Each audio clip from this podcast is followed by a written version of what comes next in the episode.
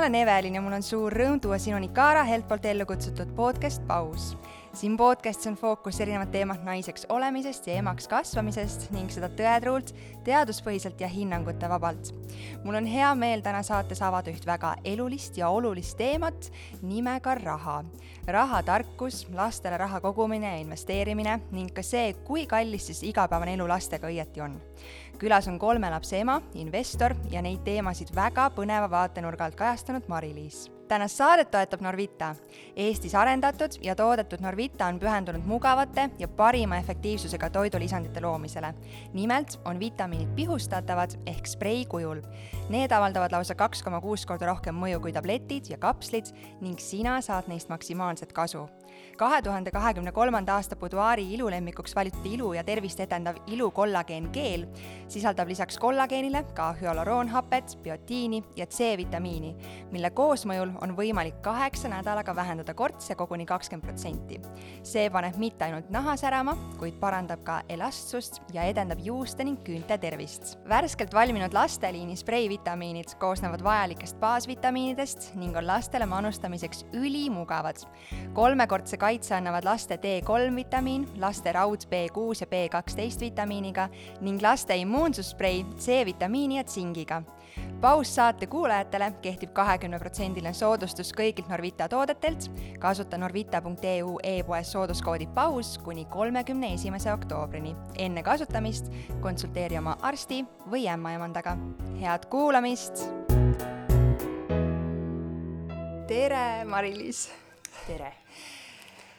Sa oled kolme lapse ema, sa oled suurloomaarst jaa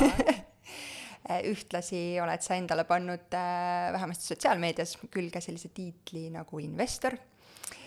jaa. natuke kahtleva pilguga. nagu väike investor okay.. aga noh, jah. sa saad kohe seda ise selgitada ähm,. sa oled jaganud sotsiaalmeedias vahvalt oma emadusteekonna seiklusi ühel ja teisel teemal, aga põhjus, miks ma täna hirmsasti tahtsin sind saatesse kutsuda, on see, et äh, teiste teemade hulgas sa oled rääkinud ka rahast, äh, rahatarkuse edasiandmisest oma lastele ja kuidas oma laste tulevikku kindlustada finantsiliselt. Ja võib-olla see on üks mitmest teemast, millel ma tahaks täna veel eriti suure fookuse panna. miks ma seda sinuga tahtsin äh, rääkida sellel, sellest teemast, on see, et ma tunnen, et, et kuigi me jõudsime siin saat-, enne saadet veel rääkida, et äh, jätkuvalt ei ole äh, teadlikkust ja infot selle osas äh, üldse rahatarkuse osas äh, piisavalt palju liikvel ja seda ei anta piisavalt palju võib-olla edasi lastele äh, koolis, lasteaias ja mujal, äh, siis ma isiklikult tunnen, et kuidagi trendikaks on saanud see äh, rahatarkuse või õigemini mitte isegi rahatarkuse, aga lastele äh,, laste tuleviku kindlustamine finantsiliselt, neile siis kogudes äh,, kinnisvara ostes äh,, mingeid äh, fonde ja osakuid ostes, et äh, aga seda räägivad üldjuhul konkreetselt väga-väga äh, finantseksperdid ma tahtsin seda sinuga rääkida, sest sa tundud mulle selline hästi siiras, hästi aus, hästi avameelne, täitsa tavaline ema. kas ma võin sul, kas see kuidagi solvab sind, kui ma nii ütlen? ei, ma arvan, et ma olen äh,, meil oli hiljuti äh, Luminori äh, filmimine ja, ja siis äh, me Veikoga ütlesimegi seal videos, et me oleme täiesti tavalised kolme lapse vanemad Tartust. no ja... vot, siis ma puusse palju ei pannudki. ehk siis see on see põhjus, see pikk sissejuhatus kõigel, kõigele sellele teemale. aga et me selle rahani ja finantsmaailmani võib-olla jõuaksime, siis äh, on üks, äh, mis on sellega tugevalt seotud, milleni, kuidas me üldse selleni jõuame, on see, et sinu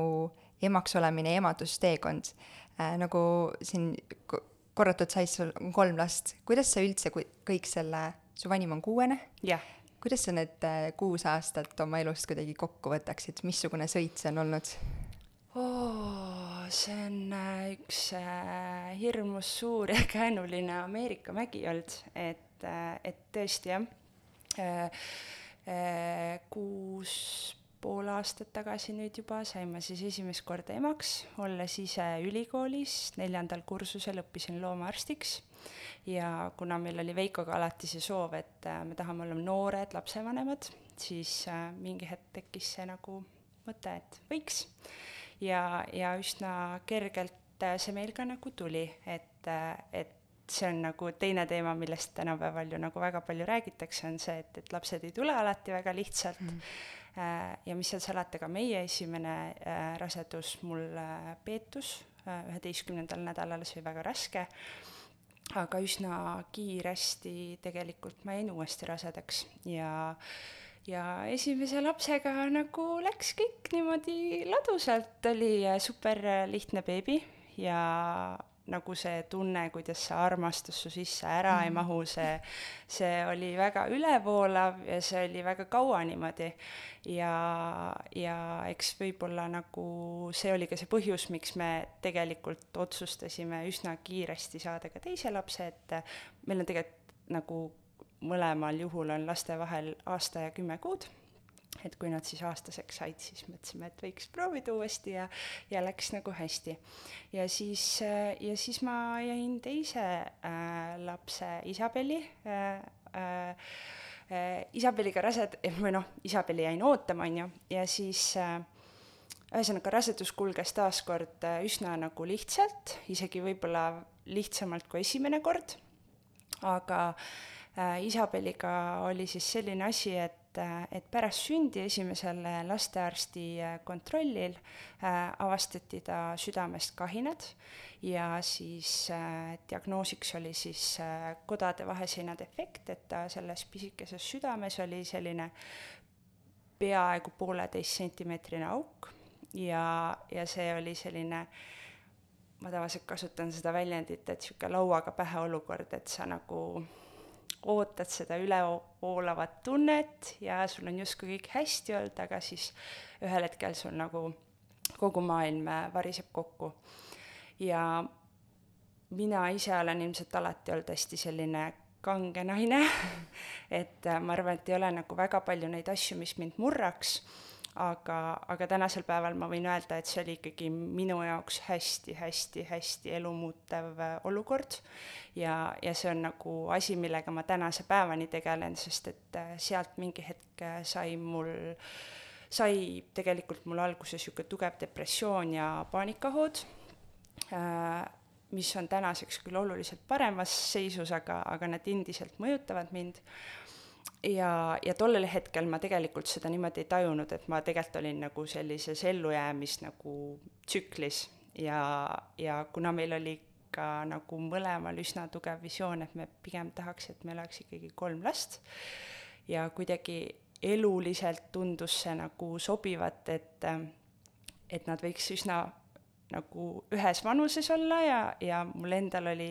äh,, olid tädilapsed, kes olid äh, ka kolm, kolm last naljakas on, et neil on samamoodi tüdruk, tüdruk, poiss ja nad olid hästi kokkuhoidvad ja mina, mul on küll vanem vend, aga ta oli üksteist aastat vanem ja ma kasvasin ikkagi pigem nagu üsna üksi, siis see võib-olla oli niisugune asi, mida ma alati mõtlesin, et ah, et ma tahaks oma lastele pakkuda neid nagu seltsilisi. ja, ja siis ühesõnaga siis mingi hetk me siis otsustasime, et võiks uuesti proovida, äh, selle aja peale oli tegelikult siis Isabeli äh, seisund ka selline, et tegelikult terve selle esimese aasta vältel, mis me olime pidevalt kardioloogi jälgimise all, arstid ütlesid meile kogu aeg, et ta ei anna tegelikult südamehaige lapse mõõtu välja, ta oli rinnalaps ta sõi ilusti, ta võttis kaalus äh, kenasti juurde. ainus asi, mis tõesti oli, oli see, et, et kõik need äh, vahvad viirused, mis äh, Elizabeth lasteaiast koju tõi, et, et ta võttis need väga kergesti külge ja võib-olla põdes natukene ka raskemalt, mis omakorda siis minul võib-olla seda Elizabethi emadust tegi natukene keerulisemaks, sest et siis ma juba teadlikult vahepeal ei tahtnud teda lasteaeda saata, tahtsin teda rohkem kodus hoida, et ta jälle midagi koju ei tooks. Et äh, ühesõnaga äh, see esimene aasta oli nagu pideva nagu äh, kardioloogi järelevalve all, aga nagu see justkui nagu rahustas mind maha, et tegelikult see ei ole nagu maailma lõpp, et see esimene diagnoos ja sa lähed ja sa, olgugi et ma olen loomaarst ja nagu ma tean midagi südameehitusest ja füsioloogiast ja, ja kõigest muust, et et, et sa ikkagi lähed Google'isse sa üritad otsida infot ja kõik see info, mis seal väljas oli tollel hetkel, oli minu jaoks väga ehmatav, sest et äh, kui sa mõtled juba pelgalt nagu selle mõtte peale, et arst ütleb sulle, et jah, et kui see nüüd ikkagi ära ei korrigeeru, et, et siis meil on vaja teha operatsioon ja siis sa paratamatult mõtled selle peale, kuidas su väike laps on seal ja, ja tal lõigatakse, on ju, nagu midagi lahti, et see on äh, hästi hirmuäratav. ja, ja aga see, kuna see elu kahe, ma, ma olen kogu aeg mõelnud, et ma olen nii tänulik, et, et see juhtus teise lapse, mitte esimese lapsega, sest et äh, tegelikult Elizabeth oli see, kes nagu hoidis mind kogu aeg tegevuses, et mul ei olnudki nagu aega nii-öelda masenduses olla, et, et beebiga on ju tegelikult sul nagu kolm kuud, kus noh, kui hästi läheb, siis ta ikkagi magab sul järjest, on ju. aga mul ei olnud seda, seda aega nagu väga masenduses olla, mis võib-olla ei olnud ka tegelikult hea, sest et ma nagu tegelesin mingisuguste asendustegevustega, aga, aga täna ma ikkagi pigem arvan, et, et võib-olla see ikkagi üldplaanis oli hea. ja ühesõnaga siis, siis ma jäin äh, uuesti rasedaks oma äh, kolmandat last äh, oodates, meie kolmandat last oodates ja see kas, rasedus ma segan sulle korra vahele, kas see, et teine laps oli saanud nagu sa ise ütlesid, et äh, mitte panniga ega uksega. mina olin saanud panni äh,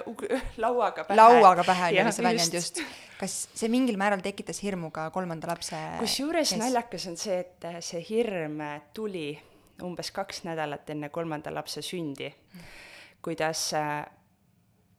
ma nagu sain aru, et issand, kui milline inimene nagu otsustab saada veel lapse, kui sa nagu tead, et et sul on ühel lapsel südamedefekt ja, ja see väga suure tõenäosusega võib uuesti juhtuda. ja, ja see selles mõttes, see hirm tuli, aga kogu selle raseduse vältel seda hirmu ei olnud. Äh, võib-olla mingil hetkel oli ka, mul oli mingi olukord, kus ma arvan, et, et see oli umbes teise trimestri lõpus, kus äh, mul täiesti ilma igasuguse põhjuseta hakkasid kogu kehas liigesed valutama. niimoodi, et, et kui ma väikestki koormust andsin kehale, siis õhtul magades mul lihtsalt liigesed valutasid. ja siis ma nagu mõtlesin küll, et, et issand jumal, et see nüüd on jälle mingi, mingi suur jama. aga see äh, läks õnneks äh, üle äh,, see küll kestis üsna pikalt, päris mitu nädalat, aga, aga see läks üle ja, ja siis ütleme jah, siis kuni selle hetkeni, kui äh, kui siis oli paar nädalat tähtajani jäänud ja, ja siis ma, siis, siis oli küll nagu hästi-hästi raske korraks, sest et äh, ma tundsin, et äh,, et ma olen nii vastutustundetu, et äh, kuidas, kuidas nii saab, et ma olen nii isekas, ma tahan kolme last, ma tahan, et mu lastel oleks koos tore, et neil oleks rohkem võib-olla kui ainult üks õde. Ja, ja siis see oli nagu selline emotsionaalselt äh, raske koht, ma mäletan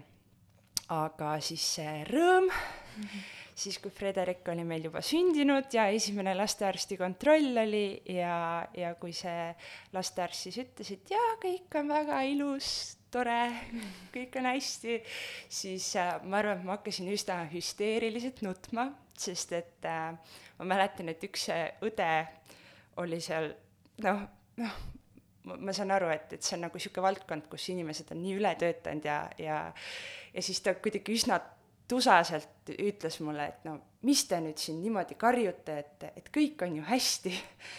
ja, ja täna ma naeran, tollel hetkel ma ka tegelikult ma ei võtnud seda üldse südamesse, sest see rõõm sellest, et kõik oli hästi, oli lihtsalt nii suur et äh, ja, ja siis, kui ma pärast nagu selgitasin ka sellele lastearstile, et et lihtsalt, et meil äh, teise lapsega oli selline olukord, on ju, ja, ja noh, tegelikult kõik olid väga mõits-, mõistvad, aga, aga jah, see oli, see oli hästi-hästi suur rõõm ja see oli, see oli võib-olla nagu see andis mulle nii palju jõudu seda kolmanda lapse nagu beebiaega nautida, et äh, et kui ma mõtlen nagu tüdrukute peale ja selle beebiaja peale, siis ma nagu, ma olen kogu aeg olnud selline miljoni asjaga tegeleja ja kodu on korras ja kõik noh, ühesõnaga kogu aeg teen midagi äh, ja, ja siis ma lihtsalt mäletan, kuidas ma lihtsalt võtsin väga pikalt, võtsin ta magades sülle ja hoidsin enda pea all ja lihtsalt nautisin seda. see oli midagi, mida ma Isabelliga, isegi kui ma nagu tegin, siis ma ei mäleta seda, sest ma arvan, et ma olin mingisuguses šokis. ja Elizabethiga oli ju lihtsalt juba nagu nii palju aega möödas, et ma võib-olla nagu ei mäleta ja ja, ja siis kuidagi oli, oli nagu teistmoodi, et seda ärevust oli vaata rohkem mm., esimese lapsega ikka on. et kolmandaga oligi see, et ma nagu see sünnitus oli nii positiivne, ma tean, et mul oli täisavatus ja ma ütlesin Veikole, et vaata ette, et mulle võib see sünnitus meeldima hakata, et tõesti nagu see oli nagu, see oli nii üdini positiivne. ja, ja kogu see beebiaeg oli ka nii tore, et et äh, ja siiamaani on tore, nagu on raske, aga on tore. et äh, ma ei vahetaks seda mitte millegi vastu. Tead, seda kõike on nii mõnus kuulda, mul on kananahk peal, sest äh, liiga tihti kahjuks ei kuule seda äh,, et keegi ütleks oma sünnituse kohta, et see oli nii tore mm. -hmm, või et, või et seda tohutult nauditakse või üleüldse seda äh, vastsündinu iga ja seda emadusteekonna nagu algust, et tihti see tuleb väga paljudele eriti esma-, esimese lapse puhul hästi suure šoki ja üllatusena ja, ja sellega kaasnevad mingisugused mured ja probleemid, mis teeb selle, võtab selle ilu sellelt kogu kogemuselt ära. minule meeldib öelda selle kohta, et kui see esimene laps sünnib, vähemalt see, mida mina tundsin, oli see, et alguses sa tunned seda suurt armastust ja sa tunned, et see ei mahu su sisse ära ja siis ühel hetkel sa tunned, et keegi on pannud sulle umbes viis sinu keharaskust kaela külge ja sa tunned seda ema südant mida sa saad aru mingi hetk, et see ei kao mitte kuhugi ära. Äh, ma mäletan väga hästi, kui me esimese lapse Elizabethiga sõitsime haiglast koju ja mõtlesin, et issand jumal, kuidas ma, kuidas ma teda kogu selle maailma eest kaitsen. või kuidas ma saan vaadata nii, et temaga mitte kunagi midagi halba ei juhtuks. et äh, täna ma võin öelda, et selle nagu raske tundega sellega harjub ära et äh, see on täitsa nagu jah, naljakas, aga, aga sellega harjub ära, ma ei arvanud eales nagu pärast esimese lapse sündi. ma ei arvanud seda ka, et sünnitust saab nautida, see tundus nagu täiesti sihuke utoopiline mõte, et, et jaa, aga saab, saab, tegelikult saab. täna on äh, keskmine laps neljane mm. -hmm. kuidas ta tervis täna on? just, mul on väga hea meel, et sa seda küsisid, et äh, et äh, kõige imelisem kingitus üldse, mis sai olla, oli see, kui ta sai äh, paar päeva enne seda, kui ta sai kolmeaastaseks, meil oli äh, selle aja peal oli juba see, et me käisime südamearsti kontrollis umbes kahe kuu tagant, kahe-kolme kuu tagant. Ja, ja siis oli järgmine mm, nii-öelda see visiit. Ja siis äh, ma ise oskan kultraili pilte lugeda. Ja siis ma vaatasin seda. Ja siis ma mõtlesin, mis asja, kuidas see võimalik on ja siis see kardioloog Margit Sõnajalg Tartus Ülikooli Kliinikumis, väga tore äh, arst äh,, ütles, et vaata, et äh, siit on väga suur osa kinni kasvanud ja mis on nagu naljakas, on see, et mitte miski ei viidanud sellele, et sealt üldse nagu võiks midagi kinni kasvada, sest et visiit enne seda ei olnud seal näha mitte mingisuguseid muutusi, et, et kuskilt midagi võiks hakata kinni kasvama. ja sellest kolmeteist äh, millimeetrisest august oli saanud äh, neljamillimeetrine auk. ja, ja siis mina hakkasin nutma Isabel ei saanud aru, miks ma nutan. Äh,, siis see õde seal, tal pisarad voolasid, arst oli, et nagu, et ei, sellist asja ei juhtu väga tihti ja, ja noh, see lihtsalt nagu imeline. Ja, ja selles mõttes tänasel päeval me endiselt peame käima seda nagu äh, näitamas ja, ja nii-öelda kord aastas, aga, aga imesi juhtub ja, ja see on üks asi, mida ma ka kindlasti tahan välja tuua, sest et tegelikult südamedefektid on nii tavaline asi nii vastik, kui seda öelda ei ole, äh, nad on väga haru-, nagu tihti ette tulevad, kas suuremal või väiksemal määral, aga seda tegelikult juhtub väga tihti, väga tihti jääb, jääb lastel nii-öelda see foramen ovale jääb lahti, on ju, mis on nagu väga suur tõenäosus, et ta hiljem lihtsalt nii-öelda kasvab kinni. aga et see on tegelikult nagu täna on seda lihtne öelda, sest et mu lapsel on nüüd justkui nagu hästi,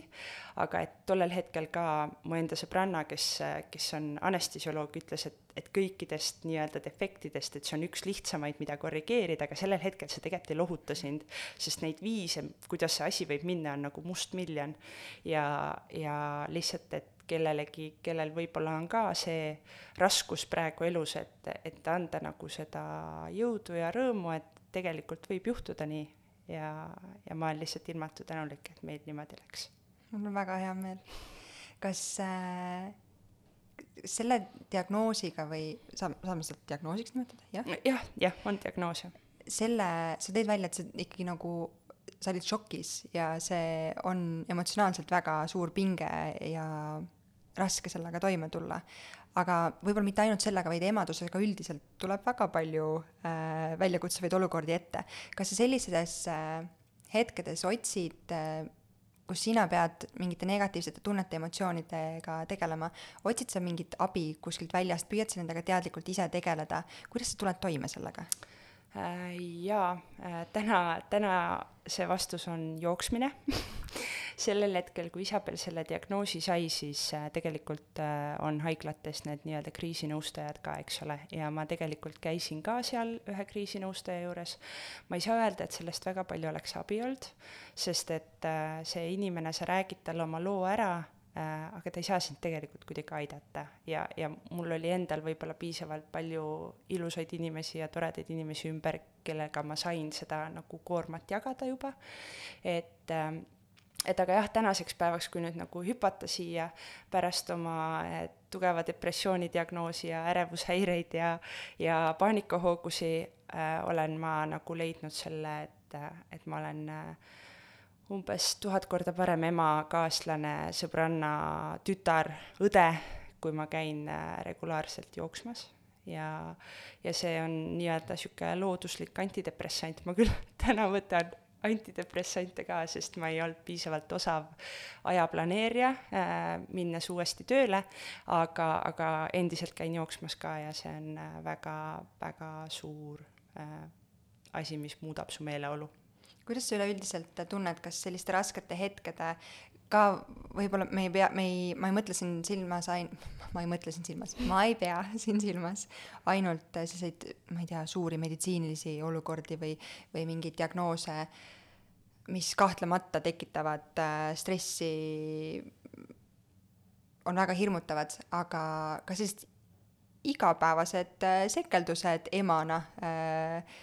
kus võib-olla tahaks rusikaga vastu lauda lüüa ja öelda, et kurat, ma ei jaksa ja ma ei taha enam. kas äh, nendel hetkedel tunned sa või on sul mingit head mõtet anda, on see sõbrannaga vestlus äh,, peaks neid hetki jagama kaaslasega, sõbrannaga, emaga või noh, emadel pole ka tihti seda hetke, et siduda need tossupaled kinni, kinni ja minna õue. jaa, absoluutselt ähm ma arvan, et meil on üsna dünaamiliselt nagu toimunud see, et, et nii Veikol kui mul, kui on see kehvem päev, et siis äh, me võib-olla isegi alati ei küsi seda aega,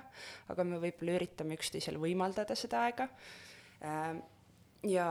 teine asi, mis äh, mind väga palju aitab ja aitas just võib-olla mingisugusel hetkel, kus unetunde oli meeletult vähe ja see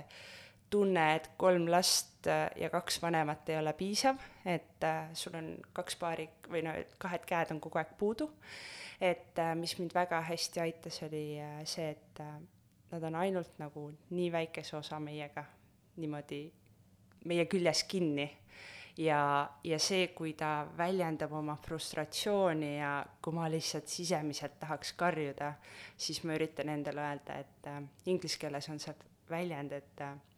they are not giving me hard time, they are having hard time. ja, ja see on mind meeletult palju aidanud, et ja, ja teine, teine asi on see, et, et mul on isegi natukene hea meel, sest et ma saan sellest aru, et kui nad elavad seda frustratsiooni välja, et ma olen nende jaoks piisavalt turvaline. et, et see on minu jaoks suurim kompliment, et nad julgevad minuga olla sellised. et mul tuleb lihtsalt see väga väike aeg, kui nad meiega niimoodi on, ära kannatada sest et noh, olgem ausad, seal ei ole väga midagi nautida nendel rasketel hetkedel. Äh, see raske hetk läheb mööda ja siis need kallistused ja see kaisutamine ja kõik see, seda sa väga naudid, aga sellel raskel hetkel on täpselt see, et tahaks lihtsalt nagu jooksutasud välja võtta ja minema joosta, aga nagu kus sa lapsed paned. see on nii hea mõte, mis sa välja tõid, et äh, ma võib-olla see on nii kummaline, et ma kogu aeg, mul on hästi suur probleem sellega, et ma püüan endale põhjendada, et kes olen mina, et üldse öelda midagi. et mul on üheaastane poeg, kes ei ole ennast poepõrandal jätkuvalt veel pikali visanud ja öeldud, et ema ilma jäätiseta kuhugi ei tule või, või mingisuguseid muid selliseid avalikus olukorras või kehvasid kuidagi väljakutsuvaid olukordi tekitanud, aga äh, ma olen samamoodi lugenud ja, ja näinud äh, kogenumate emade äh, mõtetest seda, et äh, lapsed võivad avalikus kohas käituda äh, oluliselt paremini kui koduses keskkonnas ja siis sa emana või van-, lapsevanemana ei saa aru, et aga miks või miks sa mulle teed seda äh,. aga see, lapsed tunnevadki ennast oma pere keskel, oma koduses keskkonnas kõige turvalisemalt mm, -hmm. kus õppida ennast ja oma emotsioone tundma. ja meil lapsevanematel on, lapsevanematel on lihtsalt äh, natuke nagu kohustus anda neile see turvaline ruum mm, -hmm. katsetada, õppida ennast tundma ja olla nende kõrval selleks, et äh, see, sellepärast mulle väga meeldis see, et sa selle välja tõid, et äh, et lihtsalt äh, see periood on lühike ja me peame, peame neile pakkuma seda tuge ja turvatunnet sel ajal. mis selles mõttes ma olen täiesti nõus sinuga äh,, ei ole alati lihtne ja mina ei ole erand äh,. ma olen oi kui palju kordi tõstnud oma häält nii, nagu ma ei tahaks tõsta, aga mis on nagu lapsevanemana alati nagu ilmatu lihtne, on see, et äh, meie lapsed andestavad meile kõik, vahel nad andestavad meile liiga palju. ja ainus, mis sa pead tegema, on vabandust paluma. ja kui sa seda teed, siis tegelikult nagu ongi juba hästi, sest et nagu nad andestavad sulle kõik ja, ja see on selles mõttes isegi kohati võib-olla nagu liiga, nad andestavad kohati liiga palju, et tegelikult ei peaks võib-olla, aga, aga me oleme kõik ainult inimesed ja, ja seda on väga tähtis endale meelde tuletada. kui sa mõtled tagasi kuus ja pool aastat, siis see ootus äh,, milline lapsevanem sinust saab ja see lapsevanem, kes sinust täna saanud on, kui palju need omavahel erinevad um,? see on vist see koht, kus ma tegelikult pean ütlema, et ma olen nii palju endaga tööd teinud selles osas ja ma arvan, et ma olen täna nii palju parem lapsevanem, kui ma arvasin üldse, et ma kunagi saan olema uh,. ma olen nii palju kasvanud uh, ja ma saan aru, kui palju mul veel minna on, et uh, et selles mõttes äh, ma arvan, et ma nagu enamuse ajast, kui ma mõtlesin, et ma tahaks, et mul on lapsed, tahaks, et neid oleks kolm, et ne-, et meil oleks niisugune tore pere, kodu, kuhu nad tahavad alati tulla, ma vist nagu mitte kunagi ei kujutanud ette seda aega, kui nad on kuus, neli ja kaks, ma pigem kujutasin ette seda aega, kui ma olen nelikümmend ja nad on äh, viisteist, kakskümmend, nii edasi, et, et ma nagu kujutasin seda aega, kuidas äh, ma saan olla niisugune noor äge ema, kes ei ole selline näägutav ja, ja annab lastele märku, et, et ma usaldan neid, et nad võivad alati oma muredega minu poole pöörduda ja kui nad on minuga ausad, siis mitte kunagi sellest ei tule probleemi. et, et selles mõttes see on natuke raske küsimus, aga, aga jah, täna, kui ma nagu vaatan tagasi, et milline ema ma olin siis ja milline ema ma olen täna, siis äh, ma arvan, et ma võin enda üle väga uhke olla. Kuule, aga lapsed ja raha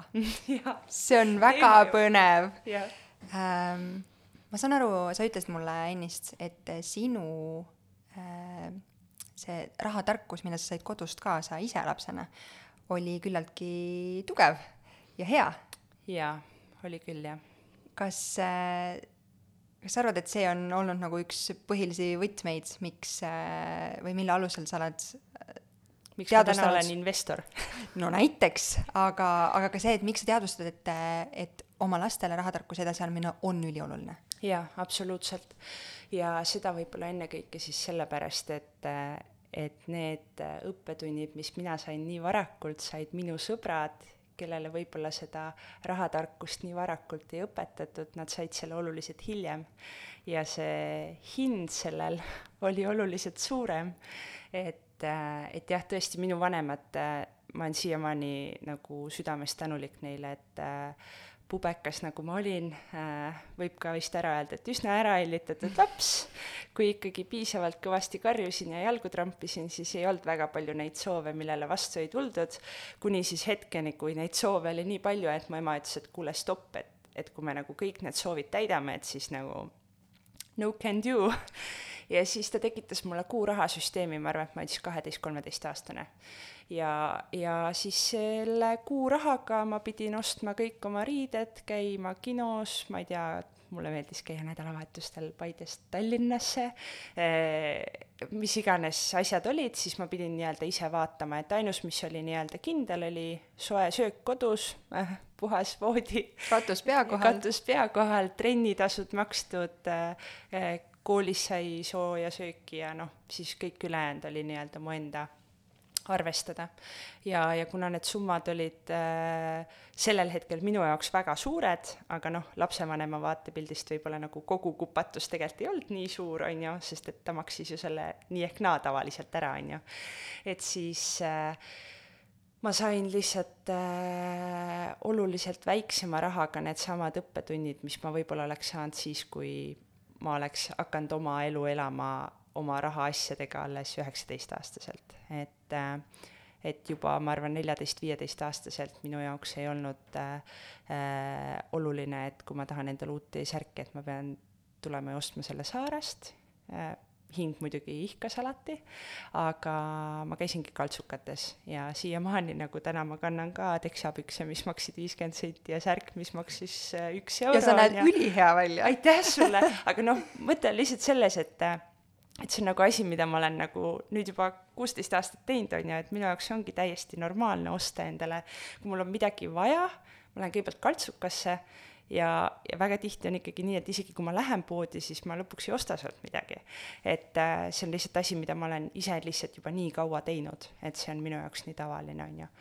et äh,, et aga jah äh,, seal noh, kaltsukas on, teismelise näol on see võib-olla nagu kõige lihtsam näide, on ju, et, et nagu need riided on justkui nagu väga oluline osa, on ju, aga tegelikult kaltsukatest võib väga ägedaid asju leida. Ja noh, meelelahutuse koha pealt ka, et, et sa ei saa kogu aeg käia ja teha kõike, sa pead asju seadma järjekorda ja saama aru, et et selle jaoks, et seda tegevust teha, et selle asja eest maksta, see nõuab mingisugust aega, mille keegi on kulutanud, et seda raha teenida. et, et see arusaamine oli jah, ma arvan, eriti sellel ajal, mis oli nagu viisteist aastat tagasi või isegi rohkem, on ju, et sellel ajal räägiti ju nendest asjadest nagu veel vähem. kui palju täna rahast kodus lastega räägite? väga palju kogu aeg ja, ja me oleme võib-olla selles mõttes natuke veidrad, aga, aga meie kaheaastasele väga meeldib äh, vanaema tehtud äh, äh raha äh, kassast äh, niisugusest lambast äh, sente välja raputada ja siis neid uuesti sinna sisse panna mm. -hmm. ja siis me paneme neid niimoodi hunnikusse ja siis me vaatame, mitu tükki neid seal on ja ja pärast lähme peseme käed ära. aga et niisugust väljendit, et raha ei ole mängimiseks niisugust äh, väljendit me väga ei kasuta kodus. ja suurematega ikkagi ka väga palju, et äh, mõnikord ma võtan teadlikult tavaliselt küll ühe lapse kaupa nad poodi kaasa ja tutvustan neile kilohindu kas see on ühekaupa sellepärast, et see on sulle hoomatavam ja lihtsam? absoluutselt, sest et äh, võtta nagu ütleme, vanemad võib-olla võtta koos ei ole nii hull, aga kui võtta kaks nooremat nagu koos, siis see on ma ikka, see, no, see on lihtsalt nagu, see on juba, see on juba eos nagu kirjutatud, et sealt ei saa midagi head tulla. et, et jah, me, me väga-väga palju räägime ja, ja vaatame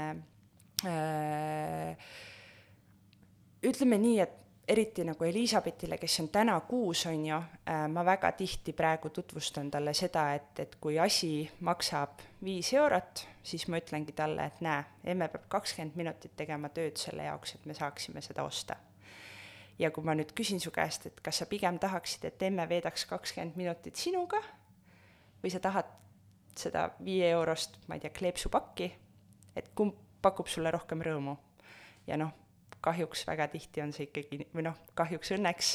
äh, on see ikkagi niipidi, et ta valib selle emmeaja, et äh, et minu kahjuks siis võib-olla, et, et võiks ju laps tahta ja kleepida neid äh, kleepse, on ju, aga noh, lihtsalt kahjuks selles osas, et et ikkagi lapsel see tähelepanu, vanema täistähelepanu on ikkagi nii vajaka, et tegelikult kui sa pakud talle maailma kõige ägedamat mänguasja ja sinu aega, siis väga harva, kui ta valib selle mänguasja, ta valib enamus ajast selle sinu aja, sinu tähelepanu. ma saan aru, et teie pere näitel sellist asja nagu liiga vara rahast rääkida ei ole? no ütleme nii, et kui sa ikkagi need äh, sendid jätad aastasele kuskile vedelema, siis ilmselgelt on liiga Head vara. nahka ei tule. ja aga ütleme nii-öelda mõist-, mõistuse piirides on ju, et, et ütleme, Frederik nüüd varsti saab juba kolm, on ju, ja praegu ta saab aru, on ju, et ta saab aru, et ta ei pane neid käsi pärast suhu, ta saab aru, et ta ei pane neid sente suhu, mitte küll alati, aga enamus ajast. et, et selles mõttes äh, ma arvan, et, et see on võib-olla üks koht, kus ma ei ole väga palju sellist lastekirjandust näinud ka, et, et ütleme päris beebidele, et oleks kuskil beebipildiraamatus, et näe, et see on raha, on ju, mis tegelikult ei oleks ju ka vale. jumala lahe mõte. on ju? teeme ära jah, ja või et see on pangakaart, on ju, või noh, nagu et, et äh, me õp-, noh, see selles mõttes, et, et me õpetame neile selgeks, et see on kass ja koer, on ju, aga et miks me ei võiks neile õpetada, kui ta võtab mu Kuule, käekoti. lisatuluallikas praegu. mina olen päris pädev igasugustes disaini asjades, sina oled pädev rahaasjades, paneme oma pead kokku. Teeme beebidele raharaamat. Beebide rahatarkuse raamat, jaa, väga hea, see on äh, mul on praegu väga aktuaalne see, et ei ole olemas nagu liiga suuri kulusid, et äh, tuleb lihtsalt tulusid suurendada, et no, võib-olla peab ära tegema. Nii sa ütlesid äh, väga tabavalt, et, äh, et sellist lauset nagu raha ei ole mängimiseks teie perest läbi ei käi, küll aga ma usun, et väga-väga paljudele on tuttav äh, see ka. sama lause või siis see, et raha ei kasva puu otsas mm. -hmm. ja neid kõnekäände on küll ja veel, mis justkui nagu lihtne on vanemana õhku visata, kui laps seal nõuab seda kleepsupakki või, või mänguasja või jäätist. miks sa arvad, et see ei ole kõige parem mõte? ma arvan sellepärast niimoodi, et me enne natuke puudutasime ka seda teemat, aga, aga mida varem laps saab äh, aru, et raha ei ole mingisugune tabuteema, mis kuulub ainult täiskasvanutele, seda varem äh, ta hakkab kogu ümbritsevat hoopis teistmoodi mõtestama, mis võib-olla nagu ei peaks olema alati liiga tõsine, aga see, et, et, et kuidas meil praegu on olnud, et, et raha on nii-öelda, et on okei okay rahast rääkida alles siis, kui sa oled oma esimese palga teeninud. või et, et taskuraha, et näe, et siin on su viis eurot, on ju, et saa sellega hakkama. aga et, et kas see laps üldse nagu tegelikult teab, et kust see viis eurot tuleb või, või kui palju selle jaoks nagu vaeva peab nägema ja, ja ta ei oskaks, ta ei oskagi seda hinnata ometigi meie täiskasvanutena justkui nagu ootame, et ta oskaks seda hinnata. Samas nagu me ei ole talle kunagi seda tutvustanud. et äh, mina olen küll kasutanud seda väljendit, et, et äh, raha ei kasva puu otsas ja üsna kiiresti Elizabeth, kes meil hakkas väga kiiresti rääkima, väga pädevalt, äh, küsis, et et mis mõttes või et kuidas ei kasva või kust siis raha tuleb, et näed, raha prinditakse ja seda on mingisugune teatud arv ja, ja ma kunagi minu arust meil oli Elizabethiga kunagi mingi sarnane vestlus äh, Tartu linnaliini bussis. Ja siis äh, lõpuks meie kõrval istus, ma arvan, umbes kuuekümne viie, seitsmekümne aastane härra. Ja siis mingi hetk ma sain aru, et ta väga pingsalt jälgib meid ja siis ta ütles, et teate, et ma ei ole mitte kunagi kuulnud, et keegi oma kaheaastase lapsega jagaks selliseid ra- äh,, tarkusi, et mina oma lastele vist jagasin küll siis, kui nad olid kakskümmend. noh, et nagu lihtsalt ma, ma ei tea, mina ise tunnen, et mul on nii suur eelis olnud tänu sellele, et ma alustasin selle rahatarkuse teekonnal umbes seitse aastat vanem, et mulle tundub see nii jabur mitte juba praegu seda lastele õpetada üldse, mul on tunne, et äh, nüüd ise lapsevanemaks saades veel eriti, järjest ujub välja kuskilt neid teemasid, mida ma ei saa aru, miks ei ole need kuskil kohustuslikus õppekavas või lasteaia mingis õppeprogrammis või vanemate poolt kohustuslikus edasi, nagu riiklikus kavas, et lapsevanemad peavad oma järglastele sellise ja sellise info edasi andma, et olgu see siis raha, olgu see seksuaalkasvatus, olgu see noh, üliaktuaalne meil siin saadetes on käinud läbi see, et naised saavad aru, et aa, et ei saagi kogu aeg rasedaks jääda alles siis, kui nad püüavad rasedaks, noh, püüavad mm -hmm. rasestuda. et aa, päriselt on ka ainult kolm päeva umbes tsüklis, millal nagu noh, see võib tulemuslik olla, on ju, et äh, nagu me, me õpime igasuguseid äh, füüsika valemeid ja, ja muidugi koolikavas on väga palju väärt infot ja ma ei ütle üldse, et me ei peaks õppima, kes kuskil tundras elab ja millised äh, on äh, mis tahes äh, geomeetriliste kujundite valemid, aga sellist elulist tarkust jääb tihti meie lasteaedadest ja, ja koolidest ka välja, mitte ainult äh, nagu perest tulenevat mm -hmm. teadmisi ja haridust. ma olen täiega nõus äh, ja selles mõttes äh, see on hea, ma just üks päev mõtlesin selle peale ja vist arutasin ka kellegiga, et et mind isiklikult käivitab hästi see teema, kui, kui öeldakse, et palgast ei ole viisakas rääkida. Et äh, nii mitmel tasandil on see väga häiriv minu jaoks ja ma ise mõtlesin, et aga äkki seesama nagu rahatarkus ja see rahast rääkimine ja ja see on meie vanemate jaoks ka nii keeruline äh, lihtsalt sellepärast, et see aeg, kui nemad üles kasvasid, et ma nüüd väga palju sellest nõukogude ajast ei tea, aga kas see mitte ei olnud umbes nii, et et mingi hetk ju anti nagu väga tugevalt mõista, et, et mitte miski ei ole sinu oma, et kõik on meie nii-öelda ühishüvanguks, on ju, ja, ja võib-olla sealt tekkis ka inimestel see, et, et ma ei tohi öelda, et ma sain selle raha või teenisin selle asja, et muidu mul tule, tullakse ja võetakse see ära. et äh, ja raha nagu... peab tohutu suure vaevaga ka veel tulema. just, just, just. et, äh, et selles mõttes nagu ma arvan, et see ikkagi kuigi palju tuleb ka kuskilt nagu sellisest ajaloolisest taustast meil, et äh, seda oleks päris huvitav nagu vaadata, et kui palju see mingisugust rahvuseti nagu erineb, on ju, sest ma olen täiesti kindel, et see väga palju erineb. Mm.. et, äh, et äh, meil on siin kindlasti omad tõekspidamised ja kui sa mõtled nagu ütleme, võib-olla meie vanemate, ma ei tea, kui vanad su vanemad on, on ju, aga nad tulevad mingisugusest generatsioonist, kus olid mingisugused tingimused, on ju, samamoodi nagu meie lapsed kasvavad praegu sellises, selles generatsioonis, kus on sellised tingimused, et ongi popp koguda oma lastele nii-öelda elu alustuseks sellist stardikapitali, on ju, või et ongi popp rääkida sellest, et me peamegi rääkima rahatarkusest, seksuaalkasvatusest ja kõigest sellest, et meie täna saame aru, mis meil kasvades jäi vajaka, mis tegelikult tekitab meile täna probleeme ja me juba nagu eos tahame neid asju ennetada, eks ole. aga meil on ikkagi nagu ühiskonnana ja, ja Eestis väga-väga suur samm teha. aga, aga mulle väga meeldib näha, ma saan aru, et ma ei tea, kas see on fina- äh,, mis ministeeriumil on Liisi Kirch minu arust edendab mingisugust programmi, on ju, et, et neid asju nagu tuleb, võib-olla lihtsalt mitte päris sellise tempoga, nagu mina enda peas näen, aga, aga eks need riigirattad keerlevadki kaua ja, ja võib-olla selle võrra põhjalikumalt ja ma olen sellega väga nõus ja ma arvan, et me ei saagi olla kellegi peale nagu pahased või näpuga näidata ei oma vanematele ega õpetajatele koolis, et ma nägin just ühte hästi armast mm, tsitaati üks päev, et nemad mängivad ka seda mängu esimest korda yeah.. Nemad on ka siin elus esimest korda, teevad kõike seda esimest korda. ja me kõik tuleme mingi pagasiga ja teeme oma valikuid ja otsuseid lähtuvalt sellest pagasist, mis meil või nendest teadmistest, mis meil on mm. -hmm. aga enne kui ma tahaks teada täpselt selle kohta, kuidas te siis oma peres päriselt äh,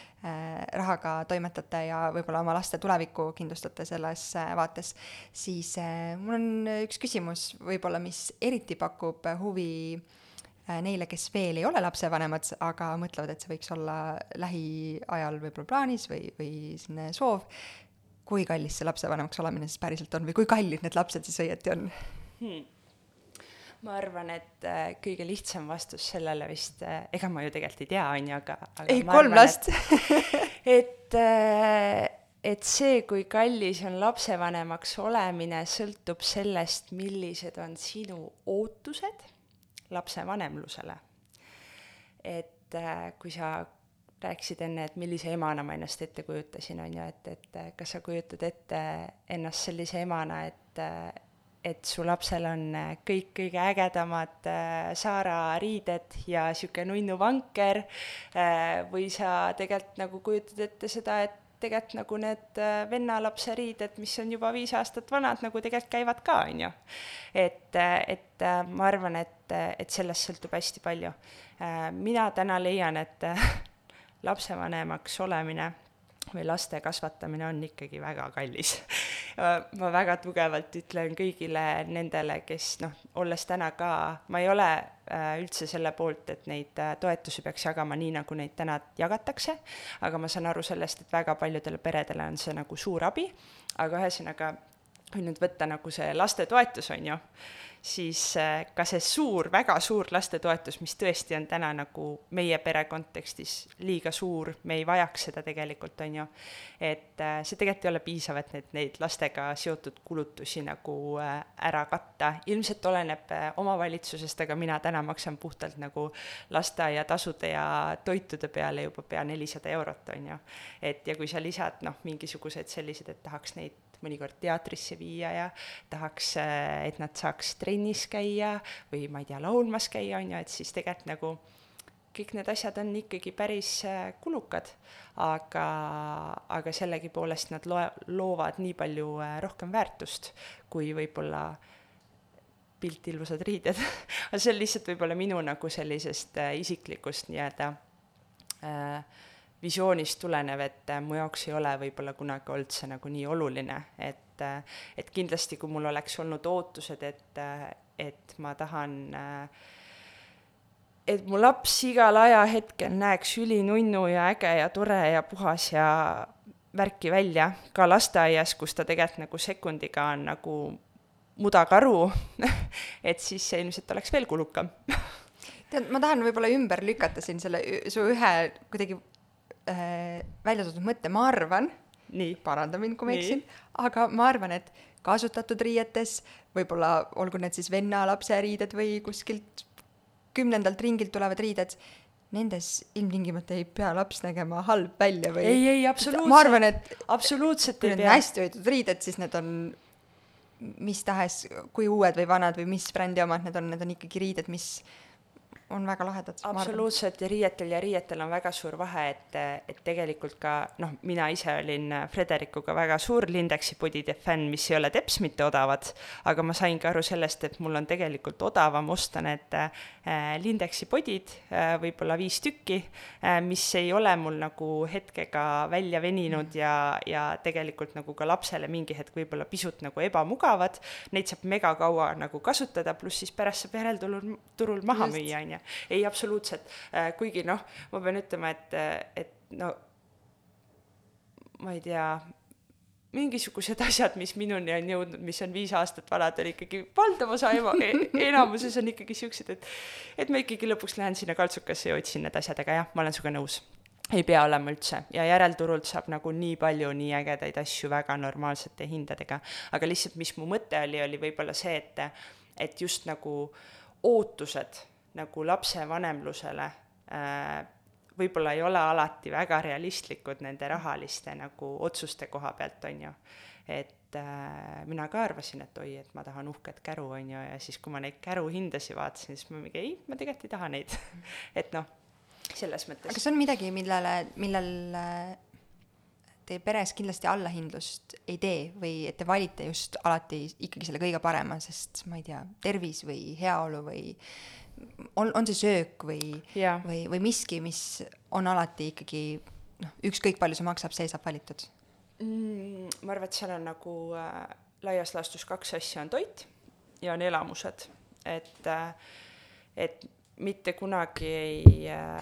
mul on väga oluline öelda alati, et lapsed käiksid teatris ja, ja meil on, Frederik on ka, ta on kahene ja ta on tegelikult juba päris mitu korda teatris käinud ja see on nagu osa sellest, milliseks inimeseks ma tahan neid kasvatada, on ju. et, äh, et kuigi need asjad on väga nagu kulukad ja, ja mõnikord ma just hiljuti ostsin Estoniasse piletid ja kogu perele piletid osta sooduka ajal ja sa maksad ikkagi nagu sada pluss eurot ära, on ju. et, et aga see on see koht, kus ma nagu ei tee allahindlust. kindlasti mingitel eluetappidel olen ma nagu äh, võib-olla mingis osas nagu teinud, et, et mõtlen, et ah, võib-olla tegelikult ei ole vaja uuesti minna, on ju, sinna teatrisse, kui me tegelikult kuu aega tagasi käisime, et noh, lükkan natukese aja pärast, et ma alati ootan neid soodusperioode, et siis, kui see piletisadu jälle tuleb, et siis lähme. et, äh, et ühesõnaga jah, ma arvan, et toit ja, ja elamused on need, mille osas me nagu ei tee järeleandmisi. kuigi toidu osas on ka nagu see olnud, et äh, mul on hästi lihtne nagu mitte teha neid järeleandmisi, sest et mu enda vanemad kasvatavad nii palju asju, et lihtsalt nagu ma juba eos saan sealt nii palju nii kvaliteetset äh, toorainet. Et äh, võib-olla kui ma peaks nagu iga päev poes nagu selle raha välja käima, siis võib-olla ma ei saaks nii enesekindlalt seda täna väita.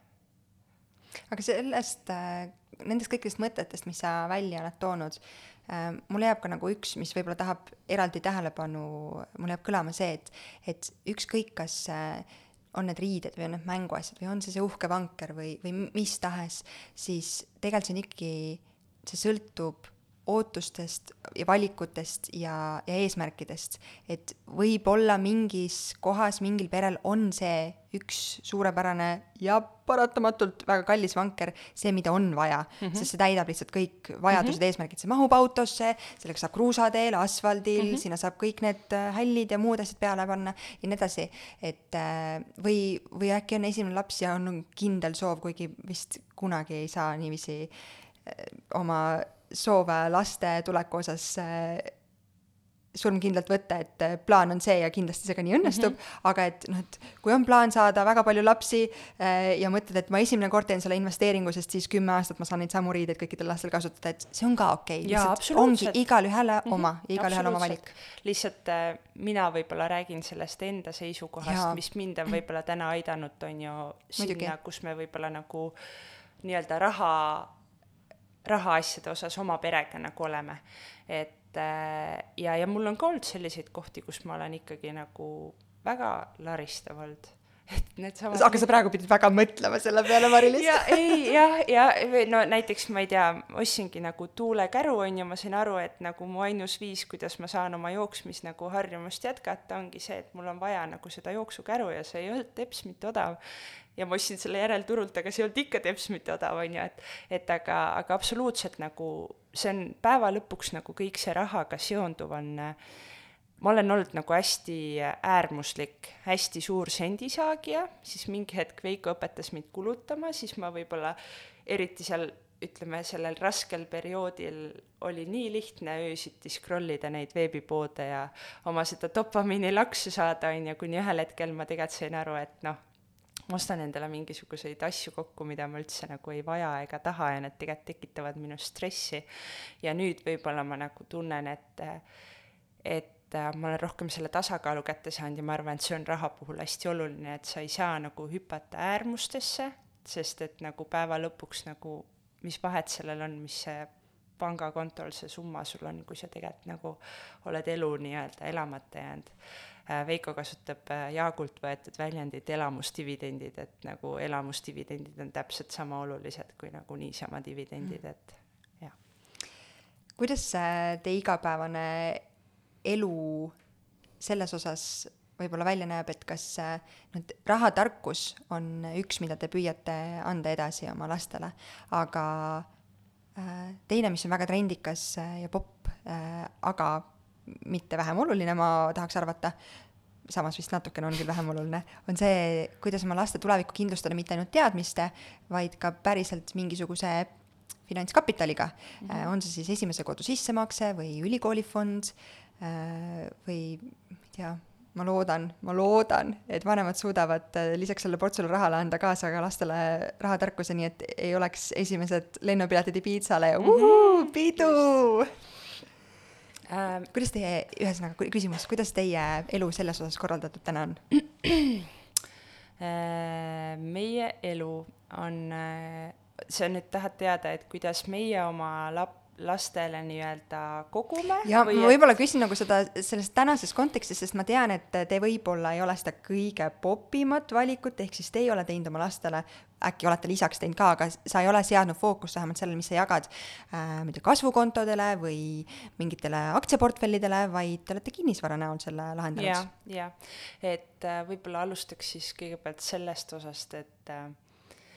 ma pärast räägin sellest mõttest, et miks ma tegelikult arvan, et see, mida me lastele kogume, ei ole üldse nagu nii oluline kui see, mida me nendega täna kodus teeme. Äh, ühesõnaga jaa, meil on olnud äh, alates sellest, kui lapsed sündisid, oli selline alguses see oli nagu nali, et, äh, et noh, et iga lapsega peaks tulema üks korter, et siis nagu see on neile nii-öelda nagu elualustuskink või nii. ja, ja me oleme alati kõik kõik äh, lastetoetused ja asjad, mis ühel hetkel hakkasid nii-öelda laekuma, oleme suunanud automaatselt kõrvale. Ja, ja siis äh,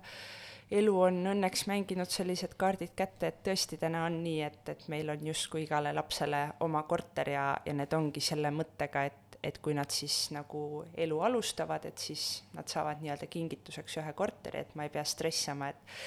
et mis need aktsiaturud teevad sellel hetkel, kui, kui see laps nagu täisealiseks saab ja võiks selle nii-öelda kingituse kätte saada või, või äh, mis see kasvukonto seal teeb, on ju, et, äh, et me oleme jah, täna valinud selle nagu kinnisvaratee ja, ja väga suur boonus selle juures on see, et, et lisaks see nagu kinnisvara, mille nad siis lõpuks nagu kätte saavad, et selle eest saab ju nagu üüri ka praegu, on ju, mis on nagu lisatulu nii-öelda meie pensionipõlve kasvatamiseks. et, et aga kasvu, mina arvan, et nagu kõik ka nagu influencer'id Instagramis on ju väga palju promovad seda ja LHV, ma arvan, et on teinud väga head tööd ja riik ka nagu ütleme, ka mingisuguste reklaamikampaaniatega ja Kristi Saare on ju, ei saa nagu jätta mainimata. kõik on teinud nagu superhead tööd ja, ja väga tore, kui äh, pered ka seda nagu kasvukontole seda raha nagu koguvad äh,. aga sellest olulisem minu jaoks on see, et äh, see rahatarkus, mida me nagu lastele võib-olla praegu ei õpeta nii, nagu me võiks seda õpetada, et et äh, sellest ei ole tegelikult mitte mingit kasu, kui sa kogud oma lapsele seda elu alustuskinki ja nagu sa ütlesid, ta siis näpud püsti selle esimese kuu-kahe või poole aastaga laiaks lööb ja, ja ta tegelikult äh, suure tõenäosusega kolme, nelja, viie, võib-olla varem, võib-olla hiljem äh, oma esimest kodu ostes mõtleb, et oi kui jama et tegelikult see on nagu rahasumma, mida ma võib-olla nagu ütleme nii, et ma oleks võinud seda kasutada näiteks kodu sissemaksuks, on ju, ja ma pean selle jaoks praegu tegema nii palju tööd, et, et sedasama raha nagu kogu, koguda et ma leian, et, et kui me oleme enne õpetanud neile seda rahatarkust ja teinud neile selgeks, kuidas see raha tuleb, mis selle eest saab, mis kui palju maksab, millised on valikud äh, vastavalt teie pere väärtushinnangutele, vastavalt, äh, ma ei tea, keskkonnale, et mis, mis tekitab mida, et äh, siis me tegelikult ennetame neid võib-olla vanemlikust vaatenurgast vaadates rumalaid äh, otsuseid.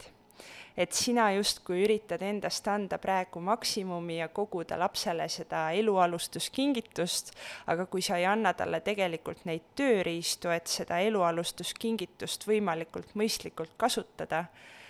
et siis see ju tegelikult ei ole seda väärt ja, ja sellepärast mina leiangi, et, et absoluutselt väga õige on lastele koguda seda raha aga sealjuures me ei tohiks ära unustada seda, kui oluline on lastega vaadata mingisuguseid raamatuid, mis räägivad rahast või, või on sul mõni soovitus kohe selles osas? Äh, tead, väga pikalt on olnud, meil on ju kaks asja, Tom õpib rahamängu, mis on pisut suure, suurematele ja koer nimega Mani. aga ma nüüd, see on nüüd või, võib-olla natuke reklaam, aga, aga Eestis on ka üks e-pood, mis on äh, päris palju võtnud sisse selliseid, ma ise alles hiljuti tellisin sealt suure hunniku neid äh, laste rahatarkuse raamatuid, kus räägitaksegi rahast e. E-Olinis on mm. neid, et äh, et ja ma arvan, et kes iganes lasteasjade müügiga tegeleb, et, et mina nägin neid raamatuid ja ma ei mõelnud ka, ma tellisin neid kohe ära, sest et neid ei ole väga palju Eestis. ja, ja absoluutselt see on koht, kus ma leian, et eriti nagu ka kahe, kolme ja viie aasta pärast on ilmselt väga palju turgu. et, et ühesõnaga seal, seal on nagu see pealkiri ütleb juba, ma ei oska sulle konkreetselt neid pealkirju praegu öelda, sest et ma tellisin neid umbes neli või viis, aga seal on jah, äh, selline raamatunurgake ja sa saad pealkirjast aru. ma ei saa öelda praegu, ma lihtsalt nagu otsime üles. ma, ma võin kuskile lingid panna või, või ühesõnaga, ja kirjastustele ka, et nagu ma arvan, et oluline teema, mida just, absoluutselt. võib-olla tõid... siit ikkagi läheb see mõte edasi sa tõid äh, välja selle nende korterite näol, et äh, justkui praegu nendest korteritest tulenev üüritulu on miski, mis teie enda pensionipõlve kindlustab, siis minu meelest äh, lisaks sellele trendikale Kogume lastele elualustusfondi või mis asja ma just ütlesin? elualustusfond. see, ma arvan, nagu väga okei okay väljend. on jah ja.? okei okay., ma ütlesin ära, siis mõtlesin, et kas see on see elu, elualustuskingitus. kingitus, just, ma tegelikult seda tahtsin öelda, just väga hea ähm,. lis-, selle kõrval nagu jäetakse minu silmis, aga kes olen mina, et aastase poja emana rääkida midagi äh,, nagu kõrvale see, et äh, mina usun, et number üks kõige suurem kingitus lastele on rahatarkus ja number kaks on see, et nemad kunagi mind ülal pidama ei peaks, ehk minu enda pension, sissetulek ja, ja elu oleks garanteeritud ja hästi. ehk see on miski, mis võib-olla varasemad põlvkonnad on võtnud hästi iseenesestmõistetavalt või nagu see on olnud tava ja normaalsus. oota et..., ma ütlen siia ühe äh, väljendi. mu lapsed on mu suurim pensionisammas. täpselt, ja ma, ma olen nagu, see ajab mul juuksed turri ja kõik ihukarvad et äh, ma natukene ei ole sellega nõus, sest ma arvan, et keegi ei peaks lapsi tegema selle eesmärgil, et meie tulevik oleks kindlustatud. et oleks keegi, kes äh, kaheksakümne viie, üheksakümne ja üheksakümne viie aastaselt meie mähkmeid vahetab, kes meid, meie hooldekodude arveid maksab või, äh, või ma ei tea, meile poest süüa toob, vaid me peaksime suutma ise seda kõike teha ja endale võimaldada, olgu siis kuskil Kariibi kruiisil, kui vahendid seda võimaldavad või, või iseendale seda hooldekodu pakkuda, lihtsalt head tervislikku elu elada, et äh, oleks võimalik ka seda vanaduspõlve nautida ja meie lapsed naudivad siis äh, oma elu. et äh, ma kuidagi tunnen, et lisaks rahatarkusele on see enda pensioni, lapsevanemana enda pensioni kindlustamine hästi oluline ja siis tulevad kõik need muud asjad, et lastele stardikapitali kogumine ja, ja muu. absoluutselt, et äh, kui niimoodi öelda, et, et sa kogud nii-öelda lapsele elualustuskingituseks, on ju, et, et aga selle võr-, selle kõrval on absoluutselt sama tähtis nii-öelda sinu elu lõpukingitus endale, et sa ei jää mitte kellelegi koormaks. ja, ja ma arvan, et täna juba praegu on ühiskonnas hästi suur hüpe toimunud, aga see on ka see, millest me enne rääkisime, et võib-olla lihtsalt kui ise oled selles mhm. keskkonnas, et siis tundub, et kõik teevad, ilmselt on väga palju inimesi, kes endiselt seda ei tee, aga, aga see on absoluutselt, ma arvan, et täpselt samamoodi oluline, et äh, see on nagu üks võib-olla vaata et isegi palju suurem kingitus, mis sa oma lastele saad teha, et sa ei, et sa ei jää nende nii-öelda kaela peale, et sa äh, võtad selle vastutuse ja ise kogud endale pensionipõlveks raha. ja ma olen täiesti kindel, et, et kui sa oled olnud südamega asja juures lapsevanem, siis ei ole mitte üks laps, kes ei oleks valmis kõik oma hinge tagant ära andma, et oma vanemate eest hoolitseda. aga, aga see on väga äh, väga suur äh, väärtus, mida tegelikult äh, luua. ma olen nii, nii, nii nõus. Mari-Liis, sinuga on ülimega gigalahe olnud äh, kõikidel nendel teemadel rääkida ja meie saateaeg hakkab lõppu jõudma, aga on üks hästi praktiline küsimus siia lõppu väga palju lisaks või, või selle rahatarkuse teema ja raha teema üleüldiselt äh, valgus räägitakse hästi palju ka laste kingitustest ja sünnipäevakingitustest ja ja sa tõid ise ka välja need äh, toetused, mis äh, riik või omavalitsus äh, maksab äh,. missuguse hoiaku te olete oma peres sellega võtnud? Kingivad kõik, mida tahavad sünnipäevaks lastele või on teil kingilist ette antud või suunate te raha mingile kindlale kontole, mis teil sellega äh, no ütleme nii, et äh, need toetused on, on ju läinud algusest peale nagu nii-öelda säästmiskontodele. Äh, aga kingitustega on niimoodi, et eks esimese lapsega ikka kõik kinkisid seda, mida nad tahavad. Ja üsna ruttu me saime aru sellest, et me ei taha seal elada nii, et kõik kingivad seda, mida nad tahavad ja siis me oleme olenevalt laste vanusest teinud nagu erinevaid versioone, et äh, oleme teinud äh, kingilisti nendest asjadest, mida siis laps soovib. Ja, ja siis me väga tihti ka nüüd viimasel ajal oleme ikkagi teinud seda, et äh, me palume kinkida elamusi, kas siis äh, Tartu näol Veespa kinkekaarte või kino kinkekaarte. Mulle üldse ei meeldi mänguasjapoe kinkekaardid sest et äh, meil on lastega väga lihtne tegelikult, et nad äh, saavad endale uusi mänguasju äh, põhimõtteliselt ainult jõuludel ja sünnipäeval ja siis ka üsna valikuliselt. Ja aasta sees on niimoodi, et kui meil on traditsiooniks, et lapsel on vaba päev, siis neile meeldib käia kaltsupoes ja siis me teeme nii, et nad saavad sealt valida endale ühe mänguasja ja see, neil on sellest samasugune rõõm nagu sellest äh, mänguasjapoe äh, mänguasjast ja ma näen, kui palju mänguasju seal kaltsupoodides on ja ma näen, kui palju neid samasuguseid mänguasju on poodides. Ja see lihtsalt minu väärtushinnangutega täna, kunagi oli see kindlasti rohkem rahaga seotud, aga täna on see lihtsalt, mul tekib teinekord seal mänguasjapoes selline tunne, et et kuhu me kõik selle jama paneme, et nagu me toodame, kui ma selle praegu siit ära ostan, siis toodetakse järgmine asi asemele. et äh, kaltsupoes on natukene teistsugune tunne. et, äh, et aga jah, meie täna ikkagi kui on nagu mingi suurem asi, mida laps tahab, on ju, siis me väga selgelt delegeerimegi, et, äh, et lapsel on sünnipäevaks praegu Frederiku sünnipäev on tulemas, tal on kaks soovi, ta tahab endale ühte kollast koppa ja ühte mootorsaagi. ühe kingime meie talle siis nii-öelda sünnipäeva hommikul, teise kingivad mu vanemad ja rohkem soove tal ei ole ja sa võid talle näidata kogu nagu mänguasja poe valikut, ta ei soovi mitte midagi. ja, ja siis ongi meie ainus palve, et, et kinkida talle kas raha või siis mõnda elamust nii et äh, sellega, ma tean, et paljud äh, lapsevanemad kuidagi, aga ma võtan siis lapselt rõõmu ära ju sellega et äh, ei ole päris nii? eks ta nagu on ja eks see on tunnetuse asi ja ma võib-olla vahepeal olen tüdrukutega tundnud ka, et võib-olla on natukene see nagu äh, järg selles mõttes lappama läinud, et neil on juba tekkinud see nagu soov ja tunnetus, et kui on jõulud, siis oi, ma saan nii palju kingitusi ja kui on sünnipäev, siis oi, ma saan nii palju kingitusi. aga, aga tegelikult, äh, kui sa kingid lapsele midagi, mida ta väga soovib siis ega tal tegelikult on nendest teistest asjadest üsna ükskõik. et, äh, et aga eks see on tunnetuse asi ja päeva lõpuks, meil on ka olnud minu arust üks selline sünnipäev, kus, äh, kus kas see äkki oli Elizabethiga, kus ta saigi üsna vähe nagu kingitusi, sest meil oli nagu väga tugev visioon, et meil ei mahu koju rohkem mänguasju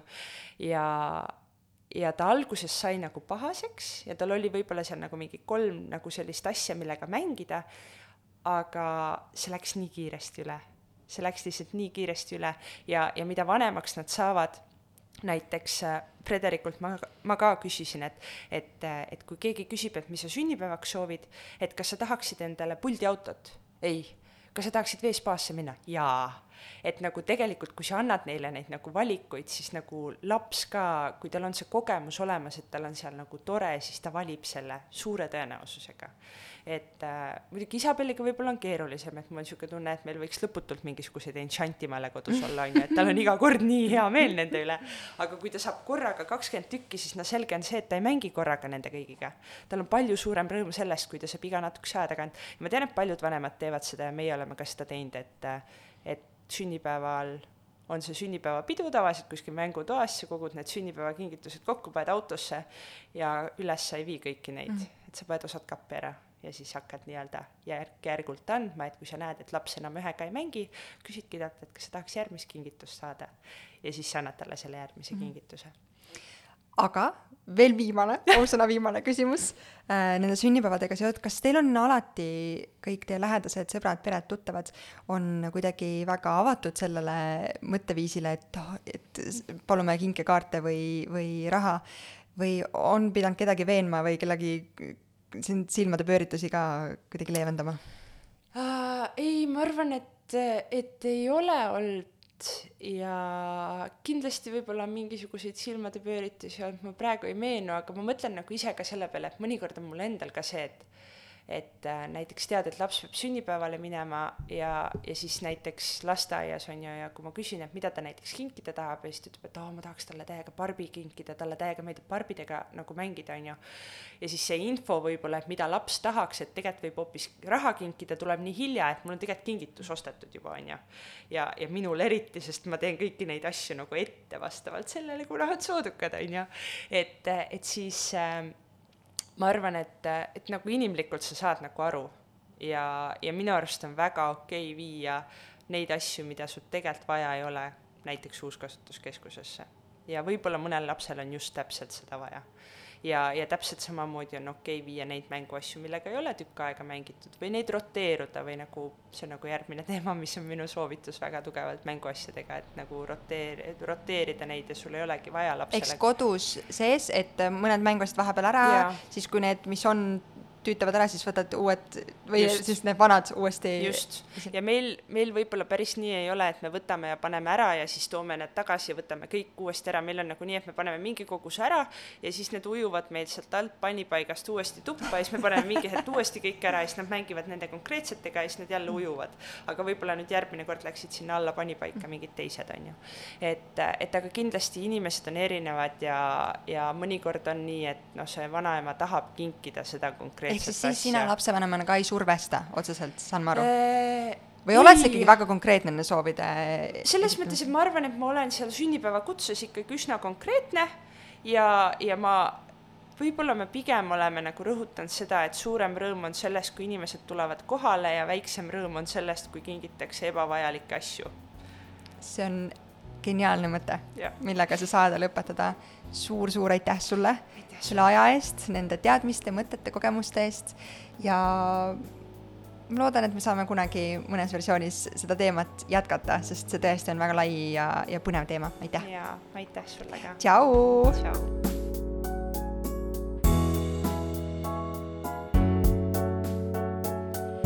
saate toob sinuni Kaara, naiste tervise ja heaolu edendaja rasedus- ning emadusperioodil. vaata lähemalt kaarahelts.io